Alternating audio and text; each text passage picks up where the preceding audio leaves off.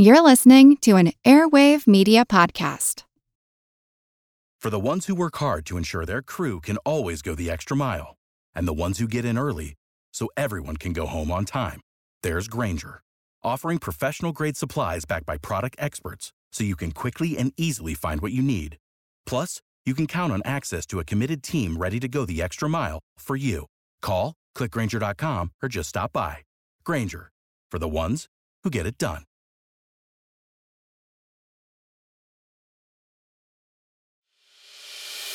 As a longtime foreign correspondent, I've worked in lots of places, but nowhere as important to the world as China. I'm Jane Perlez, former Beijing bureau chief for the New York Times. Join me on my new podcast, Face Off US versus China, where I'll take you behind the scenes in the tumultuous US China relationship.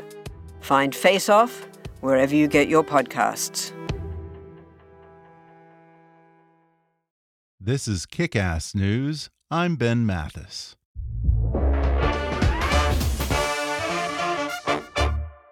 When you need energy on the go and don't have time to wait in line, grab Espresso Monster. Espresso Monster is a premium blend of espresso and cream made with freshly brewed espresso coffee, hormone free milk, and a unique energy blend complete with taurine and B vitamins. Each can has three shots of espresso and comes in vanilla espresso and espresso and cream flavors. I had one this morning before I came into the studio, and let me tell you, it gave me just the boost I needed to get my day going. Plus, it tastes so delicious, I'd drink it anyway. So close your eyes, take a sip, and enjoy Espresso Monster today. And now, enjoy the podcast. Murder leaving a person of this type hungry, unfulfilled, would also leave him with the obviously irrational belief that, he, that the next time he did it, he would be fulfilled. And the next time he did it, he would be fulfilled.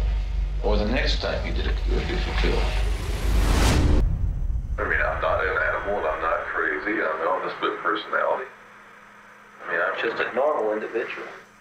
Hi, I'm Ben Mathis. Welcome to Kick Ass News. That was the chilling voice of America's most notorious serial killer, Ted Bundy, from a new true crime docu-series that premieres on Netflix today, titled Conversations with a Killer: The Ted Bundy Tapes.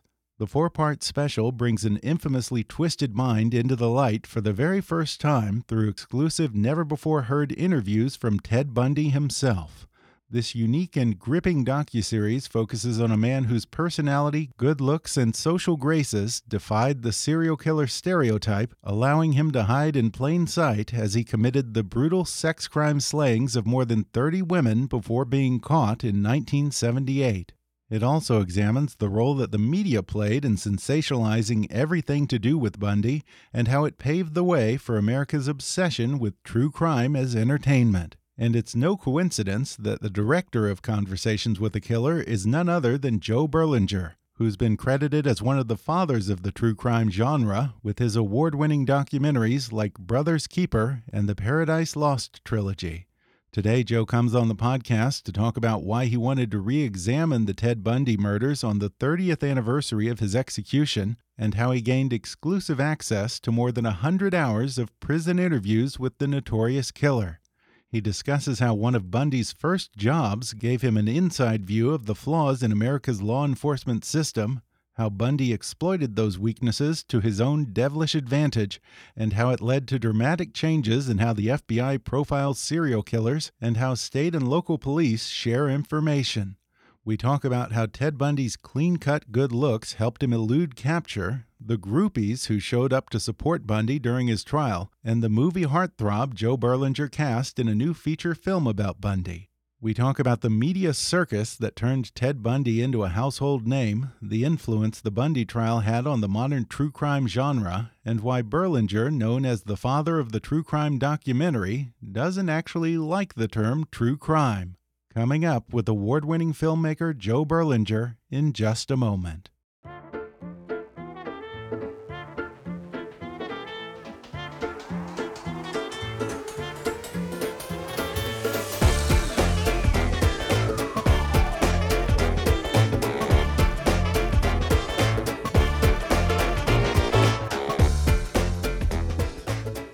Joe Berlinger is an Academy Award nominated and Emmy and Peabody Award winning filmmaker behind such landmark true crime documentaries as Brothers Keeper and the Paradise Lost trilogy, as well as the rockumentary Metallica, Some Kind of Monster, and many other films. Now he's produced and directed a four part docu-series called Conversations with a Killer, The Ted Bundy Tapes, which debuts on Netflix January 24th, as well as a dramatic film titled Extremely Wicked, Shockingly Evil and Vile, which premieres at Sundance just two days later. Joe Berlinger, welcome to the podcast. Oh, thanks for having me. Glad to be here. Well, this documentary was just fascinating, and it comes on the 30th anniversary of Ted Bundy's execution. What do you think is at the core of our enduring fascination with this monster? Yeah, you know, I think um, it, it, was convenient that the 30th anniversary of his execution kind of gave, you know, gave the show an organizing principle. But I think 30 years from now, we'll still be fascinated with Bundy. Uh, I, I just think because, you know, he taps into our deepest, darkest, worst fear. Not that, not that we're, we're going to all be killed by serial killers per se, but rather the person next to you is ultimately unknowable because Bundy defied all stereotypes of what you want to think a serial killer looks like and feels like. You know, people want to think that serial killers are these odd social outcasts that are easily identifiable in society. But the reality is, and particularly for Bundy, who embodied this, you know, Bundy was a charming, good looking guy that people liked, who, you know, he declared his innocence for a long time, um, and a lot of people believed him.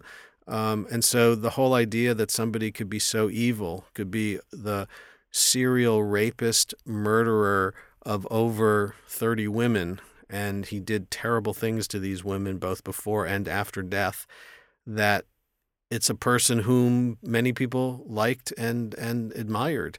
Uh, and that's that's our deep, I think, a, a very deep, dark fear that that he and fascination that he taps into. I mean, as Bundy himself says uh, in the show, you know, murderers do not come out of the shadow with long fangs dripping in blood. They are people you know, you like, you work with, you admire, who the next day are capable of, of the most demonic evil possible. Uh, you know, so that's that's my fascination with him. And also, I, you know, the other reason I thought it was a good time to take a look at him now um, is that, you know, I don't need to tell anybody that there's seems to be an insatiable appetite these days for anything true crime related. I've never been busier, and there's never been more stuff coming out about, you know, that's crime related. And I think we can trace that all the way back to Ted Bundy, because Bundy, who represented himself at his own murder trial, the Bundy trial in Miami, was the first nationally televised trial. It was the first time cameras were let into the courtroom, and people just saw serial murder as entertainment uh, from gavel to gavel for the first time. And you can take that line and trace it directly to the O.J. Simpson trial in 95 and then to where we are today, which is just, we just seem to have this fascination with this kind of material. You were just talking about the fact that Ted Bundy wasn't what you pictured when you think of a mass murderer. He was handsome, well spoken, well dressed. Uh, how much of this do you think played into his ability to elude capture for so oh, long? Uh, that, that, that was part and parcel to how he was able to go on a multi state killing spree and not be captured, was uh, people just didn't think that this guy could be capable. In fact, some of his earlier murders were in Seattle, in the Seattle area, in this place called Lake Sammamish, which was outside of Seattle, uh, the, uh, the this state park. And he was so he had escalated his killings instead of nocturnal preying upon a, a, a female walking alone in the in an alleyway type of killing uh, this time at Lake Sammamish, he he brazenly went out in the open on a very busy weekend day at a at this park that was on a lake, and he brazenly approached numerous women to, which was his class classic ruse. He had a fake cast on and asked different women if they would accompany him to help him put a sailboat on his vehicle. And even though he successfully ended up killing not one but two women that day. Uh, there was enough uh, people who heard him say his name, Ted, who heard him say he had a VW, and enough information was gleaned by authorities that a composite sketch was made of him. And when this newspaper article with the composite sketch circulated around Seattle, including his name and the well, his first name Ted, uh, and the mention of his VW, a lot of Ted's friends pointed to the newspaper and said, "Oh boy, isn't that a coincidence? A guy named Ted, and he has a VW too, and look at the sketch. He kind of looks like you." But nobody thought, "Oh, geez, maybe he's the killer."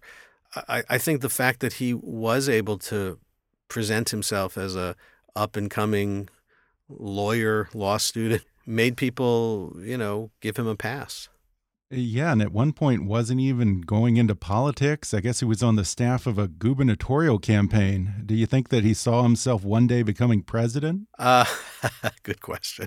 Uh, well, you know, there's certain psychopaths have lots of things in common in their aspiration for uh, the high the high office, but I don't I don't think he saw himself that way. I think um, I think actually, sadly, despite the outward appearance, he had this nagging insecurity this nagging emptiness, and that's what compelled him to kill. So I'm not sure he really thought of himself mm-hmm. as somebody who was going to have that career.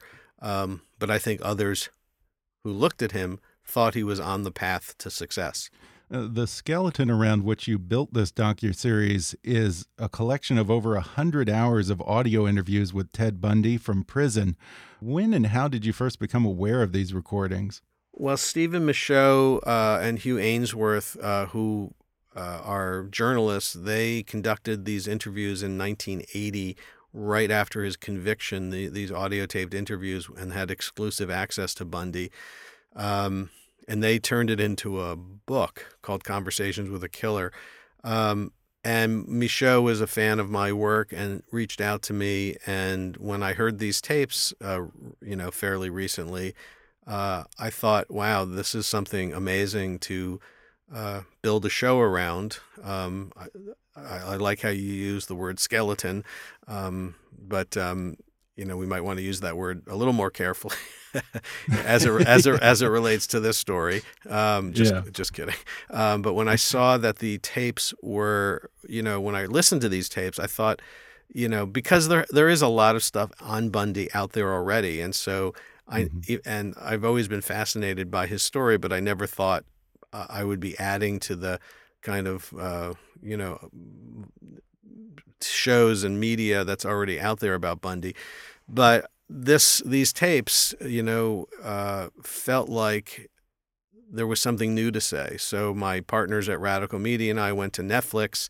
Um, and and to see if they were interested, and they agreed that there's a real opportunity here to tell a somewhat familiar story through a whole new point of view and a new lens, and that is entering into the mind of the killer himself to get some kind of um, understanding of how he operated and why he operated. And, you know, it's utterly chilling and fascinating to hear the killer himself um, talk about his crimes.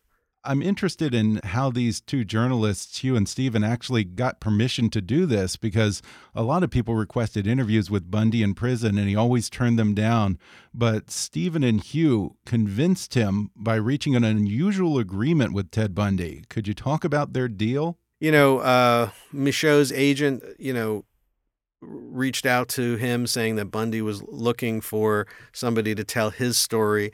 That seemed interesting to those guys because you know, at the time Bundy was declaring his innocence. I mean, that's another hallmark of Bundy in that, um, you know, most serial killers, once they're caught, you know, just love to spill the beans about their evil acts. Uh, Bundy maintained his innocence throughout the trials, throughout the entire appeals process, and didn't actually confess until days before his uh, execution in 1989. And even that was a cynical attempt to extend his life uh, because he hoped that by becoming useful and finally talking about the crimes, that was his kind of you know ace in the hole that would keep you know investigators investigators would want to keep him alive until they closed these many cases in multiple states that were still technically open. So I think Stephen and Hugh thought, well, if he's telling the truth and he is innocent, then it's a hell of a story. And if he's not telling the truth, um, and and we reinvestigate the case and we have access to Bundy, it'll still be an interesting story. So they decided to sign on, uh, and kind of Stephen was tasked more with doing the sit down interviews while Hugh went off and uh, tried to put together the pieces of the case. Of course, Hugh's investigation turned up the fact that you know Bundy was obviously the killer. It sounds like he sent them on a fool's errand, and they actually talk about having a certain amount of buyer's remorse at some point because he would just jerk them around for hours and talk about his idyllic childhood and bloviate about this and that and anything other than the murders. How did they finally get him to talk about that? Even though Bundy was looking to tell his own story and look for some investigator to exonerate him, uh, Stephen wanted to drill into the crimes. And Bundy kind of refused to talk about the crimes, which you know defeated the whole purpose of why were, they were there.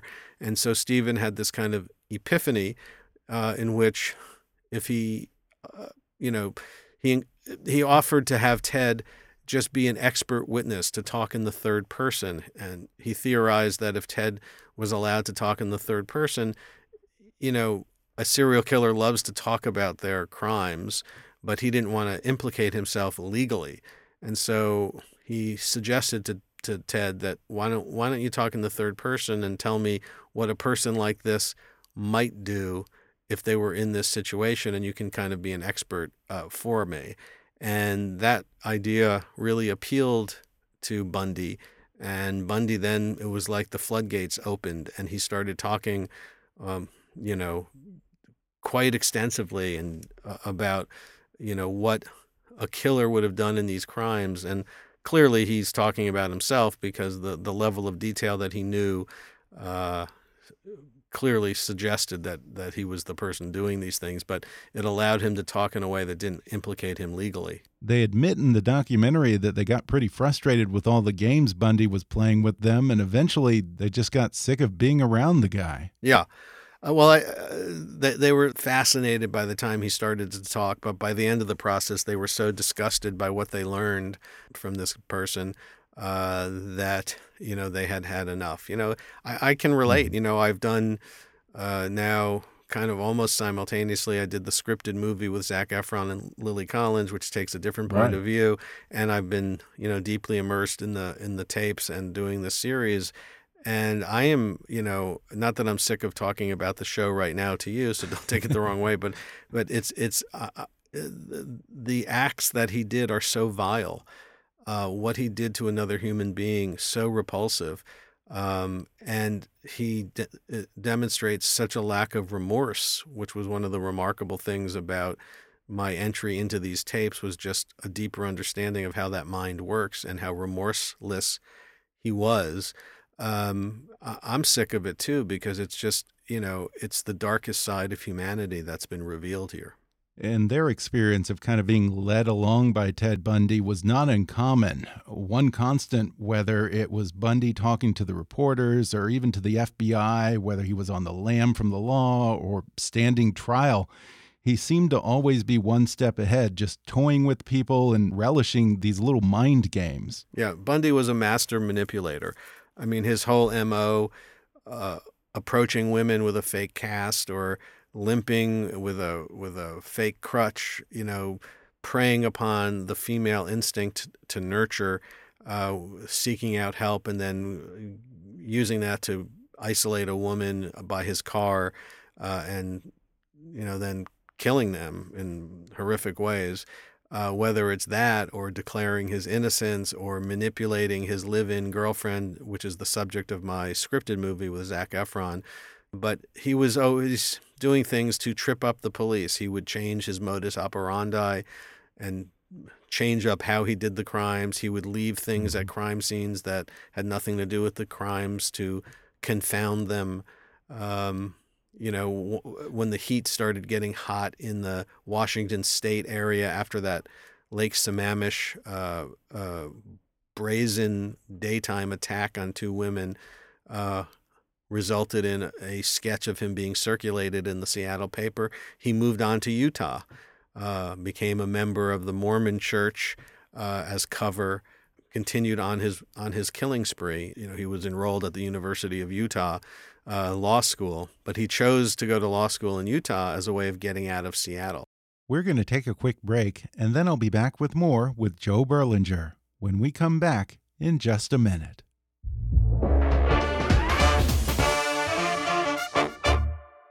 If there's something interfering with your happiness or preventing you from achieving your goals, BetterHelp Online Counseling can help. BetterHelp offers licensed professional counselors who are specialized in issues such as depression, anxiety, relationships, trauma, anger, family conflicts, LGBT matters, grief, self esteem, and more.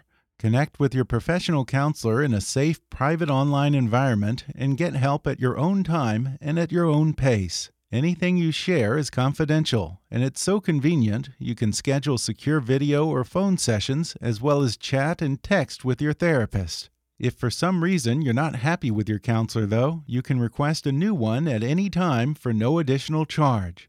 Best of all, it's a truly affordable option. Kickass News listeners even get 10% off your first month with the discount code KICK. So why not get started today? Go to betterhelp.com/kick. Then simply fill out a questionnaire to help them assess your needs and get matched with a counselor you'll love. That's betterhelp.com/kick. And now, back to the podcast. I want to ask you a little bit more about this scripted feature film that's premiering alongside the documentary. Uh, does it take a different angle on Ted Bundy than the documentary? You know, Lily Collins plays the real life Elizabeth Kloepfer, who, you know, that's an aspect of the story that's so fascinating to me that during the six years that Bundy was doing most of his killing, he was living with this woman named Elizabeth Kloepfer, who he met in a bar in 1969. And for six or seven years, they had a wonderful relationship. He was a terrific surrogate father to her daughter from another relationship. He was, by all accounts, a terrific boyfriend.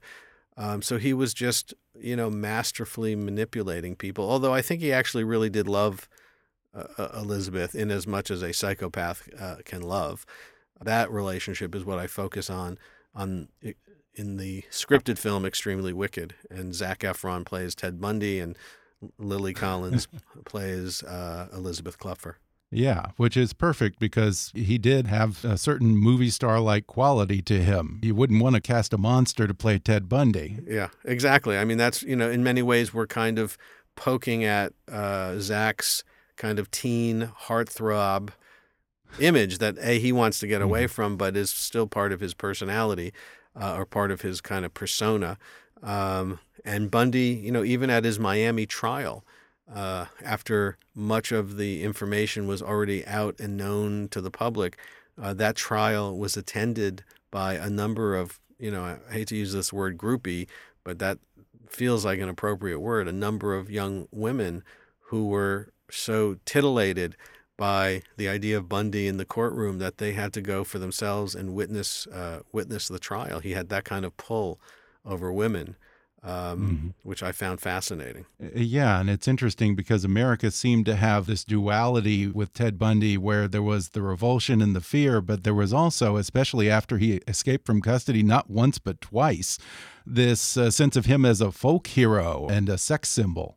Yeah, no, it's absolutely astonishing. Um, you know, that a guy who uh, you know, kept declaring his innocence, and yet the legal troubles kept mounting, and he escapes from prison not once but twice.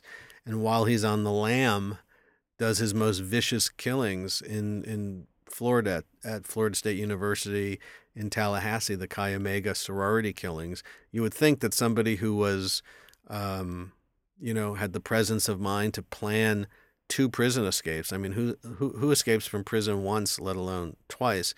You would think that he would learn his lesson and lay low, but that compulsion to kill was so strong that by the time he got to Florida two weeks after his second escape, he does some of his most vicious killings.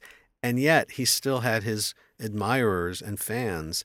And there was this odd duality, as you say, of, of, of you know, people, you know, fearing him, but also almost according him some kind of folk hero status um, which continues today. I mean, it's just It's you know America, you know, has five percent of the world's population, yet we've had 67% of the world's serial killers.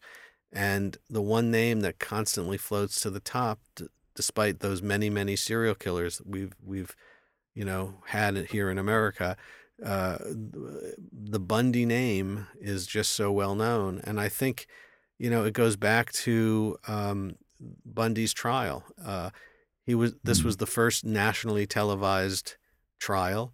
The first time kind of serial murder was kind of turned into mainstream entertainment because basically technology meeting this increasing fame of this guy uh, just a few months before his trial uh, a number of news stations were still shooting news on 16 millimeter film but around the time of the bundy trial this new satellite technology and electronic news gathering as we know it today was was just coming into its own and so that allowed live coverage of his trial the Florida judge allowed the cameras in because there was such demand for coverage from around the world by the time the trial started. I mean, there were cameras from 50 states and nine countries watching this horror unfold gavel to gavel. You know, you can mm-hmm. draw a straight line from there to the Bundy execution. When Bundy was executed uh, 10 years later, it was the first time mobile satellite trucks were kind of in vogue, and his execution was also,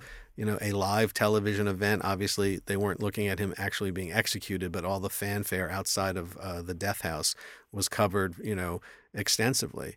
Um, and I think because he was our first media celebrity in terms of uh, criminality, uh, in, in, a whole new way of covering these stories, it you know, it's made him into this this memorable figure that people have, you know, all sorts of odd feelings about. Yeah, and he almost seemed to have an intuitive instinct for how to manipulate the media. Uh, you talked about during the trial and how he was allowed to be his own co-counsel and lead his own defense, cross-examine witnesses and he's filing all these crazy motions in court, like, uh, you know, I want a quote unquote change of menu because he's tired of eating grilled cheese sandwiches or proposing marriage to a witness on the stand. It, it seems like he's playing more to the press than he is to the jury. Yeah, absolutely. He was playing to the press. Um, but also, I think to his own detriment legally. Um, some of the things that he did uh, at trial, I think, greatly benefited the prosecution. Mm-hmm. For example, very early on, the prosecutor Larry Simpson called uh, the pol- the first police officer who was at the crime scene uh, at uh, you know for the Chi Omega murders, the the first police officer to um, show up at the scene, and the prosecution was not planning on diving too deeply into um, into the details of the crime scene because they were going to present forensic evidence later in the trial. So it was a very brief kind of just table setting establishment of the crime scene and, and this particular police officer's role in it. Bundy, to the consternation of his uh, public defenders, uh, stood up and decided to cross examine extensively with great detail uh, the crime this officer who was the first at the crime scene and going into such detail that everyone in the courtroom kind of felt like this was a serial killer uh, or a killer relishing going over the details of his crimes. And uh, you know it, it it did not help in the minds of the jury that he he did those kinds of things. And yet he played to the to the press and to the media and the and the and the spectators in the uh, in the galley uh, were hugely entertained by him. And I almost wonder if you think that maybe the theatricality of his defense strategy presages what we see in politics today, where if you can create enough distraction, in theory, maybe the facts won't matter. I think that's a, I think that's a very good point, and I, I, I agree with that wholeheartedly. He, you know, he was, you know, he was somebody who just kept denying, denying, denying, and and a lot of people signed on, uh, much mm-hmm. much to their chagrin later when he confessed uh, just a few days before his execution. I mean, the the most notorious example, of course, is Carole Ann Boone, a co-worker of his uh, from earlier days in Washington State. during the Miami trial, she came down to support him. They ended up falling in love. Uh, he proposed marriage to her uh, while during the mitigation phase of his uh, death uh, sentence. Um, during the Kimberly Leach trial, which was the second trial after the Chi Omega uh, uh, sorority trial, and he proposed marriage because he became aware that you know a declaration of marriage proposal in an open court in front of court officers created a legal marriage in the state of Florida and you know the prosecution dismissed it as a charade d- designed to you know elicit sympathy like who's going to you know how how can you sentence me to death uh, on my marriage day give me give me life without parole instead that was that you know how the prosecution and many people perceived it, and yet the public just kind of ate it up. Uh, and Carole Ann said yes, and still believed in his innocence, and they actually you know had a child together while he was on death row. Uh, so it was it was an extraordinary set of circumstances. I was interested to learn that before he even began his killing spree, I think he worked at the Seattle Crime Commission. Do you think that gave him an insider's knowledge of the weak spots in the system that he could exploit to his advantage? Oh, absolutely. I mean, the fact that he had that kind of knowledge of, you know, how police investigations worked is is one of the many ironies and interesting facts. You know, I think Bundy is very much a product of his of of, of the era. Um, you know, the the 70s was a, a time before many police investigation techniques had been uh, created. Uh, for example, there's a common misperception that profiling, FBI profiling, is what captured Bundy, but it's just the opposite. The failure to capture uh, Bundy after his conviction caused a lot of soul searching at the FBI and led to the creation of their profiling program. And so Bundy was interviewed uh, by the FBI after his conviction uh, as a way to, you know, start creating this profiling program. You, you see a fictionalized version of it in the, in the Netflix series Mindhunter. Um, but this was, a, you know, the local police departments, all of whom I think did as good a job as possible. So this is not to criticize either the King County Police in Seattle or the Colorado Police, because in Colorado, for example, Mike Fisher, the detective there, was tenacious in trying to solve the murder of Caryn Campbell. Um, but police departments didn't routinely share information. There were no central databases. Forensics, as it exists now, uh, was in a far weaker state. There was no DNA evidence. There weren't even fax machines or, you know, police department wow. police departments communicated by teletype. There was no internet. Yeah. Um, so Bundy, you know, exploited the system. Uh, and was able to elude capture for, for far too long. In fact, to me, one of the most fascinating and horrifying things about the Bundy case, you know, in particular, is that you know he was apprehended three times. He was apprehended in Utah, uh, and that ultimately led to his uh, conviction for attempted kidnapping of Carol DaRonch. He was apprehended in Colorado after his first prison break. Six days after his prison break, he, he was apprehended. Uh, and he was apprehended in uh, Pensacola, Florida, which ultimately led to his um, his final murder trial in Miami uh, for the Chi killings. But in each instance, he was not arrested because the police were on his trail and they caught the right guy. Each of these arrests were because he was driving stolen vehicles erratically and an alert police officer noticed either a stolen vehicle or the erratic driving. And that's the reason he had been pulled over in each of those three instances. And then only later did they realize who they had in, in custody. So I've always kind of thought it's amazing that had Bundy been a better driver, uh, he might never have been caught. Wow. In the aftermath of Ted Bundy's killings, you mentioned that the FBI started profiling serial killers, and there's this kind of silence of the lambs mind hunter aspect to all of this, where at a certain point, Bundy began actually helping the FBI with cases and volunteering his theories and information about different active cases. Well, what kind of things was he telling them, and was it useful? Uh, I think a lot of what he's he offered the FBI was useful, and again, it was you know his cynical attempt to keep himself alive uh, by mm-hmm. bargaining information. But you know he had you know a unique insight, and I think um, for Bill Hagmaier, the FBI agent who interviewed him and who was part of that profiling program, I think he was incredibly useful uh, to them. Um, so some good came out of the Bundy saga, but at obviously way too high a price. I want to go back to his execution because, as you mentioned, the media circus even carried through all the way to his death. You show thousands of people gleefully showing up at the prison, selling souvenir t shirts, shooting off fireworks in this macabre carnival around his execution. In a strange way, do you suppose that the ultimate sociopath's final masterpiece was that he made the media and by extension America as a whole just a little bit more callous and less empathetic? I think that's an outstanding point and one of the things that troubles me including myself. You know, I'm I I am partially self-reflexively looking at how we've become this nation of what I call rubberneckers where you know, mm. we do want to see what's happened to other people. We do look at crime as entertainment, unfortunately. And while I like to think that much of my true crime stuff, in fact, I hate that moniker.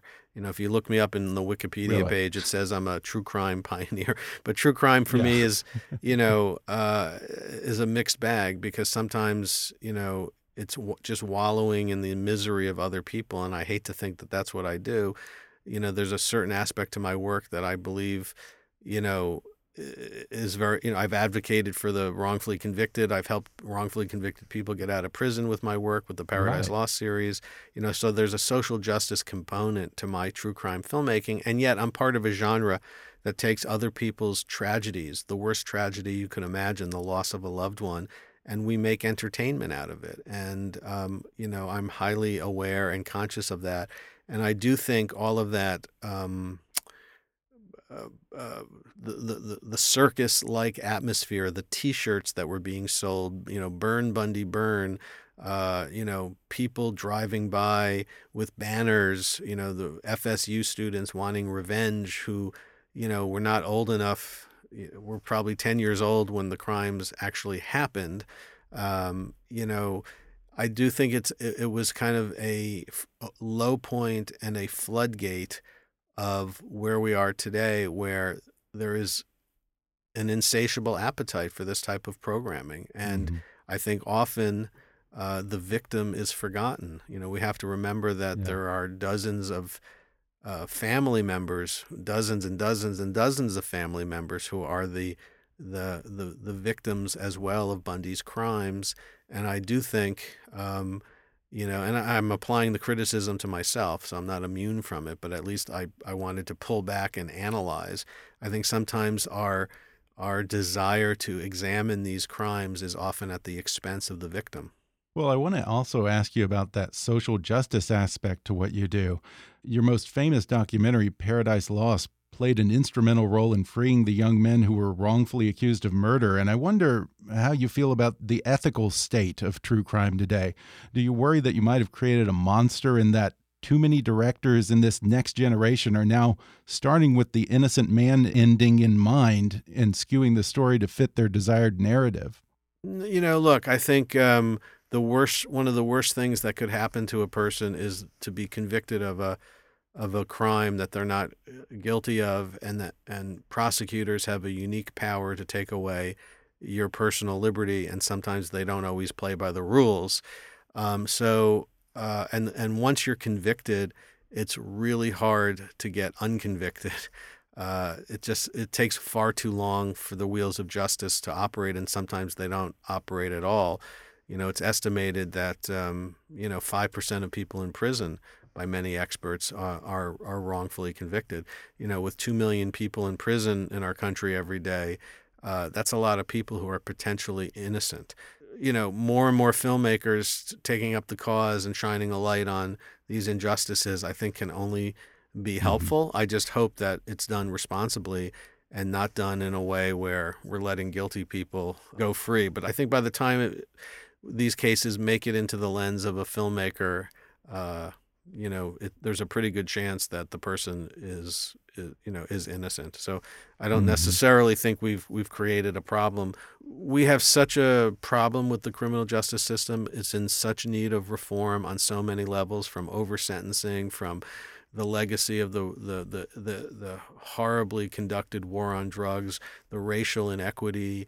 Uh, there's just so many issues of uh, incarceration that need to be addressed that I don't think there can be enough films and television programs being made. My my fear is not that they uh, profile the wrong person. My fear is that there's so much documentary activity going on these days. The form has never been more popular.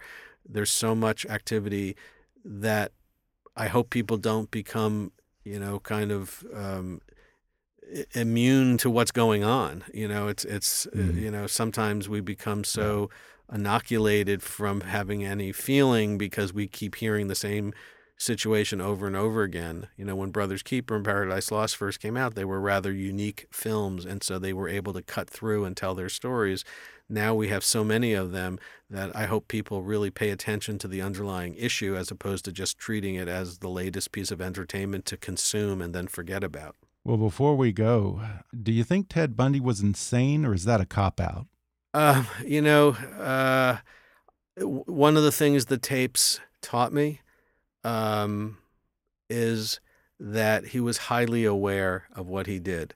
It's not like some act done by a split personality or in an am- amnesia. He was highly aware. Uh, and therefore, it's hard to say uh, was he insane or not insane because anybody who would do these kinds of things is by Mhm. definition insane but he was uh, highly aware of his acts and therefore he got the the punishment he deserved Well, Conversations with a Killer, the Ted Bundy tapes, debuts on Netflix Thursday, January 24th, and Joe's film Extremely Wicked, Shockingly Evil, and Vile premieres at the Sundance Film Festival this weekend. Joe Berlinger, thanks so much for talking with me. good conversation thanks for having me Thanks again to Joe Berlinger for coming on the show.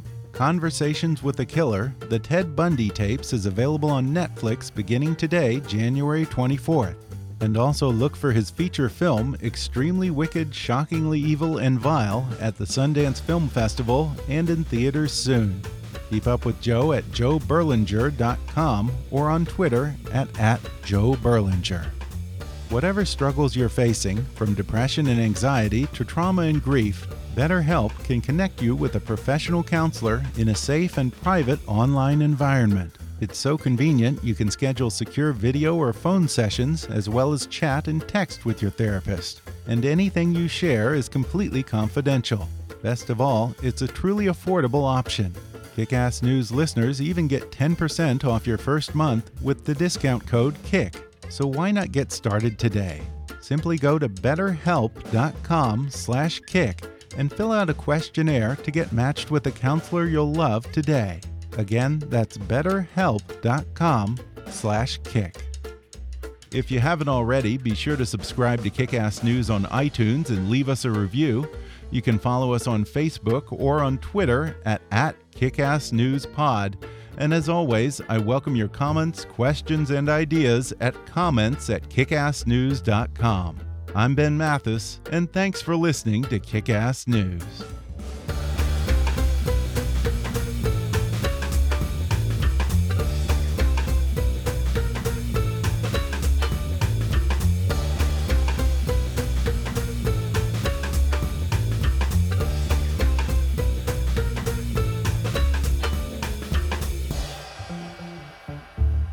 Kickass News is a trademark of Mathis Entertainment, Inc.